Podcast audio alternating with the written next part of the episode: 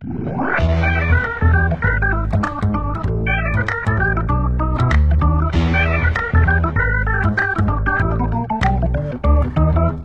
tekrar tekrar hoş geldiniz. Nasılsınız? Şahaneyiz Mustafa Bey. Tekrar tekrar hoş bulduk. Sizleri sormalı. Gayet iyidir. Bugün bizi akasyalarla tanıştıracakmışsınız. Ee, öyle bir duyum aldım ben de. Bugün akasyalarla tanışacağız hep beraber. Hep beraber. Peki kimdir bu bir sürü şarkıda, sohbette, şiirde sözü geçen akasya? Kimdir, nedir, nereden gelir?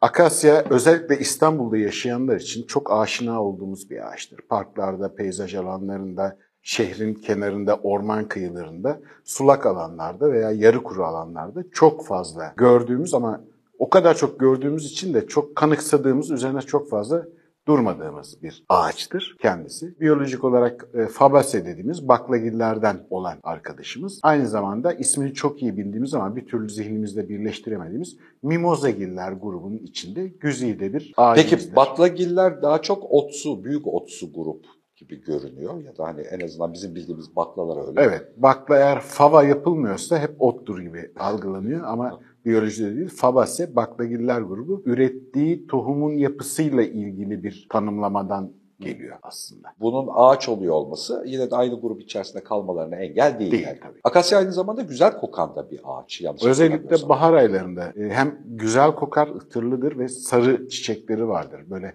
hani baktığın zaman aslında biraz da böyle fırçaya benzeyen, çok çiçeğe benzemez ama o güzel sarısı çok ilgi çeker. O yüzden de oldukça da yaygındır aslında. E peki bilerek üretilen, çoğalması bilerek desteklenen bir tür mü yoksa yabani ortamda kendi doğal üremesiyle bir çoğalıyor, çoğalmış? Aslına bakarsan hikayesi çok enteresandır. Akasya dünya üzerinde çok tartışmalı bir türdür aslında akasya. 1700'lü yıllarda e, Miller diye bir doğa bilimcinin tanımladığı bir türdür. O özelliklere uygun dünyayı gezen bütün biyologlar oturmuşlar Akasya ailesinin grubuna bitkileri sokmuşlar. 1900 türe kadar çıkmış. Daha sonra 1900'lü yılların ortasında 1950 yıllarda bir grup bilim adamı bir araya geliyor. Diyor ki arkadaş biz bunları hepsini akasya diyoruz ama bunlar akasya değil bunu üçe bölelim.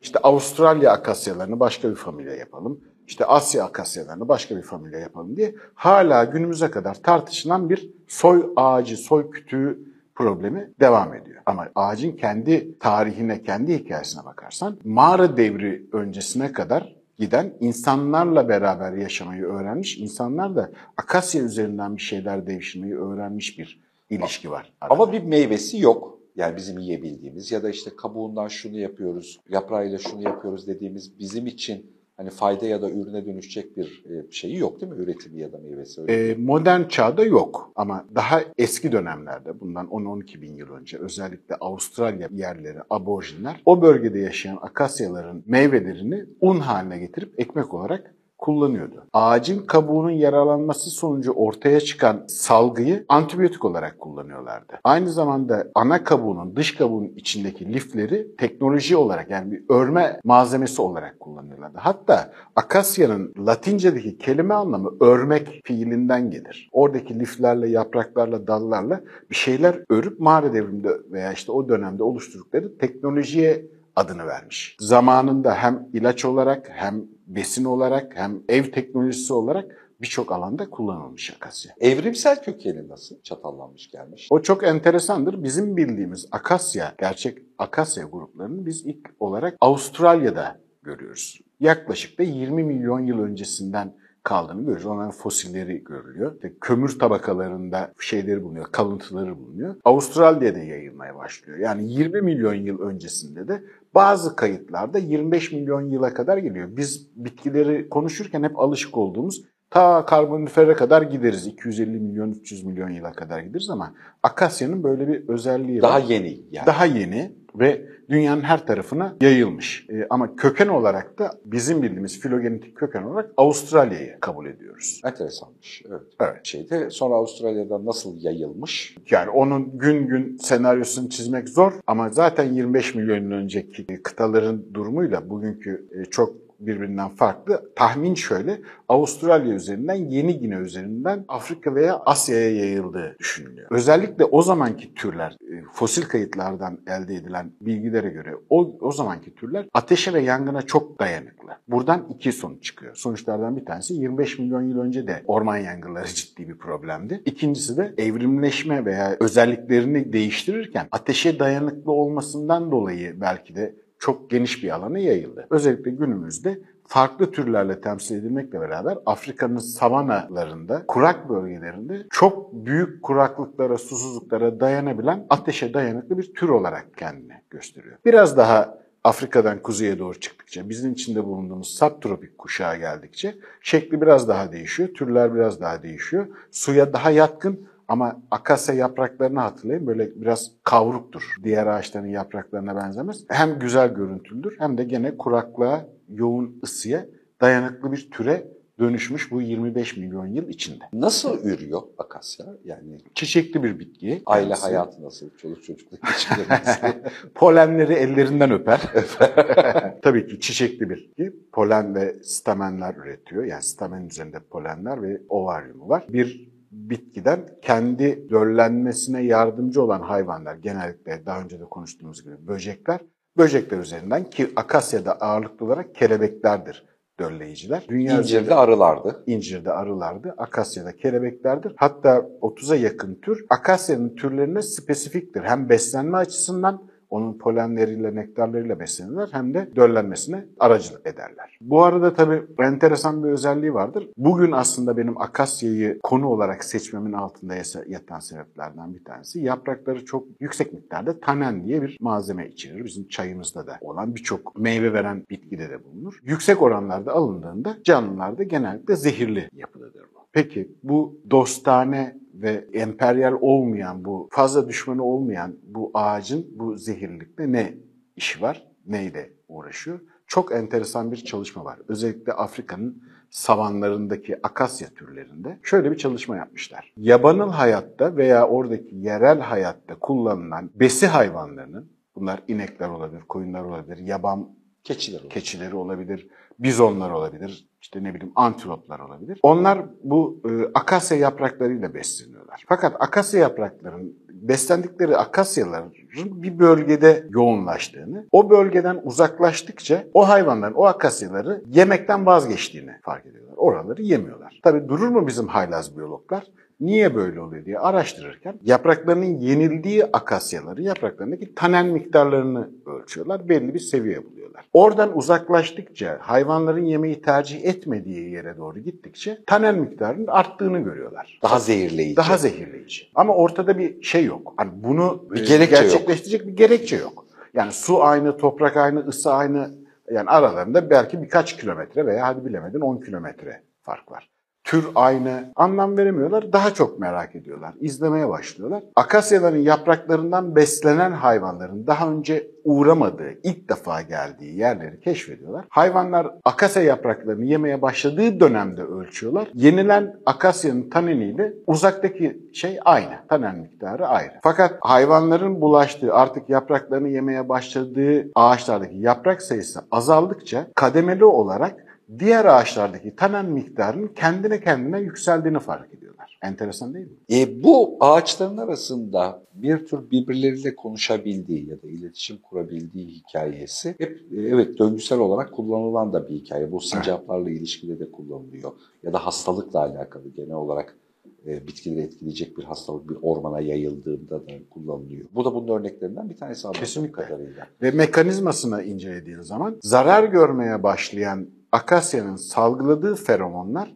rüzgarla yayıldıkça rüzgarın gittiği yöne doğru e, o feromonları, o kimyasalları diyeyim algılayan ağaçlar Türkçe'ye kendi dilimize çevirirsek abi başım belada buradakiler beni yiyor tedbirinizi alın sinyali alıp o sinyalle tanen miktarını yükseltmeye başlıyorlar. Ve yapraklardan beslenen büyükbaş hayvanlar veya işte antiloplar bilmem neler tanen miktarı yüksek olan ağaca doğru gittikçe ya tadından hoşlanmıyorlar ya zehirleniyorlar ya ölüyorlar. Yani daha önce de belki konuşulmuştur, takip ediliyordur. İşte mantar misalleri, işte bakteriler toprak yapısıyla haberleşmenin yanında hava yolunda kullandığı bir telgraf, bir telefon yolu gibi hava Ya yolunu kullandı. muhtemelen tabii bizim anladığımız anlamdaki bir iletişim yani bizim zihnimizle kavramlaştırabileceğimiz bir iletişim değil. değil tabii ki. Başka bir şey, başka bir kod alışverişi yapıyorlar. Ama teknik olarak tarif ettiğimiz biçimde bir bilgi, bir ileti, bir gönderen ve bir alıcı diye bir sistemde var. Yani e, bir İşte şeyde. şaşırtıcı Bitki- olan o. Evet, bitkilerin Yani- arasında da e, böyle bir şey varmış gibi. İşin enteresan tarafı ortada bir ileti var. İletiyi gönderen var, iletiyi alan var ama aldığı iletiyle davranış değişikliği yapan var, evet. gerçekleştiriyor. Yani bir bitki dediğimiz zaman o bitkinin hani güneşe yönelmesini, suya yönelmesini çok normal buluyoruz ama başka bir bireyin gönderdiği kimyasal maddeyle davranış değişikliği yapan bitki artık bazı konularda paradigma değişikliklerinin gerektiğini işaret ediyor. Ya burada şöyle bir gelişim var gibi ya. Biz önce yani hani öteki diyerek işte bir ırk bir ırkı öteki diyerek tarif etti ve onunla ilişkisini kölelik ilişkisi üzerine bile kurmaya kalktı dünyada. Sonra yavaş yavaş bu konuyla alakalı çok yüzde yüz ilerleme kaydedebilse bile önemli miktarda kaydetti. Sonra öteki dediği şey aslında işte doğada karşılaştığı öteki canlılar oldu. Onlara bir kölelik ilişkisi kurdu. Onu da şey diye savundu kendisiyle. İşte kedi köpek için bile, koyun, inek için bile bunlar otomatik reaksiyonlar veriyorlar. Bunların hisleri yok. Hislenmiyor. Hisleri aldatıcı bizim için aslında. Siz bir davranış gösterdiğinde o davranışa bir artı davranış gösteriyor de- diyordu. Ama sonra hayır hiç de öyle değil. Yani kedinin, köpeğin, ineğin hemen hemen tüm canlıların karşılaştığı canlıların bir hisleri yani bizim hissettiğimiz gibi acı çekme, mutlu olma, duygusal anlamda bir hisse karşılığı olduğunu öğrendik. Ama yani hani balıkların da yoktur da falan konuşalım ya balıklar hani öyle diyorduk hani. Baktık balıkların da var Var. yani ineklerden bir farkı yok balıkların da ya da işte doğadaki karşılaştığımız başka türlerden. Onların da korkudan ötleri kopabiliyor. Korku hisleri var vesaire yaşıyorlar bu konuyla alakalı. Tabii. Şimdi o sınırları yavaş yavaş şimdi o canlılıkta hani hareket ediyor, davranıyor, bağırıyor, ısırıyor, dalıyor bölümünde muhatap aldığımız canlılardan bir sonraki evre hani hareketsiz duruyor. Yeşil doğal dediğimiz canlılarda da yavaş yavaş bunu öğrenme aşamasındayız sanıyorum. Yani bunu Kesinlikle. bir taraftan bu bilgiyi çünkü nasıl işleyeceğimizi hala nasıl proses edeceğimizi bilemiyoruz. E, Bilim de hala bu bilgiyi nasıl proses edeceğini bilemiyor. Hani bunu manipüle ettiği yerler var, örnekler var. Örnek aldığı ve davranış değişikliğine gitmeye çalıştığı yerler var. Yani henüz içinde bulunduğumuz teknoloji, bil- bilim de bunu e, sindiremedi ki. Peki biz bu konuyu niye konuşuyoruz? Bazen şöyle diyoruz ya, ya bu niye başımıza geldi? Mesela bu çok güzel bir örnek bana sorarsan. İstanbul'da 50. Yıl Parkı'ndaki bir akasyanın dalının kesilmesinin işte kuzey ormanlarındaki bir alanın yok olmasıyla ne kadar bağlantılı olabileceği artık şey değil, bilim kurgu değil. Aralarında bir korelasyon oldu, bir iletişim, bir bağ oldu ve yani hani bunun da bizim hayatımızı etkileyecek oranda büyük sonuçları olabileceğini fark edebiliyoruz ya da algılayabiliyoruz. Bu arada akasyalarla ilgili şöyle benim için benim tarafta şaşırtıcı bir durum var. Akasya açık sohbetin başında da söylediğim gibi yani fayda odaklı bir bitki değil. Biz bitkilerle ilişkimizde ya işte maydanoz yiyecek olacak bilmem ne yiyeceğiz biz onu. Ya gölge Ya- yapacak, Ya gölge yapacak verecek. ya kokacak. Hani ya çok estetik duracak, güzel duracak falan. Hani onlarla bir ikna yani öyle ilişki kuruyoruz. Halbuki akasya tamam yılın belli dönemlerinde kokuyor ama ne o kadar çok güzel bir bitki ne öyle Evet. meyvesiyle bizi doyuruyor falan bir şeydi. Ama buna rağmen duygusal hayatımızda da yani şarkı sözüne vesaireye falan da girmiş. Kent hayatımızın içinde de bizimle beraber var olmaya da devam ediyor. Bunun kaynağı ne sence? Akasya bizi nasıl kandırmış? Nasıl ikna etmiş? Buğday nasıl kandırmış onu öğrendik ama akasya nasıl kandırmış? Akasya diğer mesela hayvanlar grubunda konuşurken o kadar zorlanmıyoruz. Bazı hayvanlar mesela gelincikten konuştuk hayalet gibi. Varlığının çok farkına varmıyoruz kendini gizliyor. Ama bazı canlılarda vardır ki o kadar gözünün önündedir ki artık senle benle bir olmuştur. O onun varlığını hissetmeyiz. Bir alışverişimiz olmasa dahi. Akasya 15 bin yıldır, 20 bin yıldır hayatımızda ve bundan 5000 yıl öncesinden kalma kayıtlar var Mısır'da. Diyor ki savaş esnasında bilmem ne ağırlığında topuz olmazsa en yakın akasyadan şu kadar kalınlıkta odun sök o da işe yarar. Diye akasya orada bile geçiyor. Yani tütsü yapımında geçiyor, ilaç yapımında geçiyor. Biz sadece onu unutmuşuz. Ama hala hayatımızda sadece akasyalar artık biraz hayaletvari duruyor. Hayatımızdan çıktığı zaman biz farkına varacağız onun. Akasyamız nerede diye ağlayacağız ama hayatımızın içindeyken biraz onlara hayalet muamelesi yapıyoruz. Evet yani yeni dönemdeki işlevliliği düşük. Halbuki Tabii. bundan birkaç bin yıl öncesine kadar çok daha yoğundu diyorsun. Yani Tabii Akasya. çok yoğun. Birkaç yüzyıl öncesine kadar çok yoğundu. Güzelmiş. Bence güzel bir Akasya tanışması oldu. Teşekkür ederim. Bence de. Ben teşekkür ederim.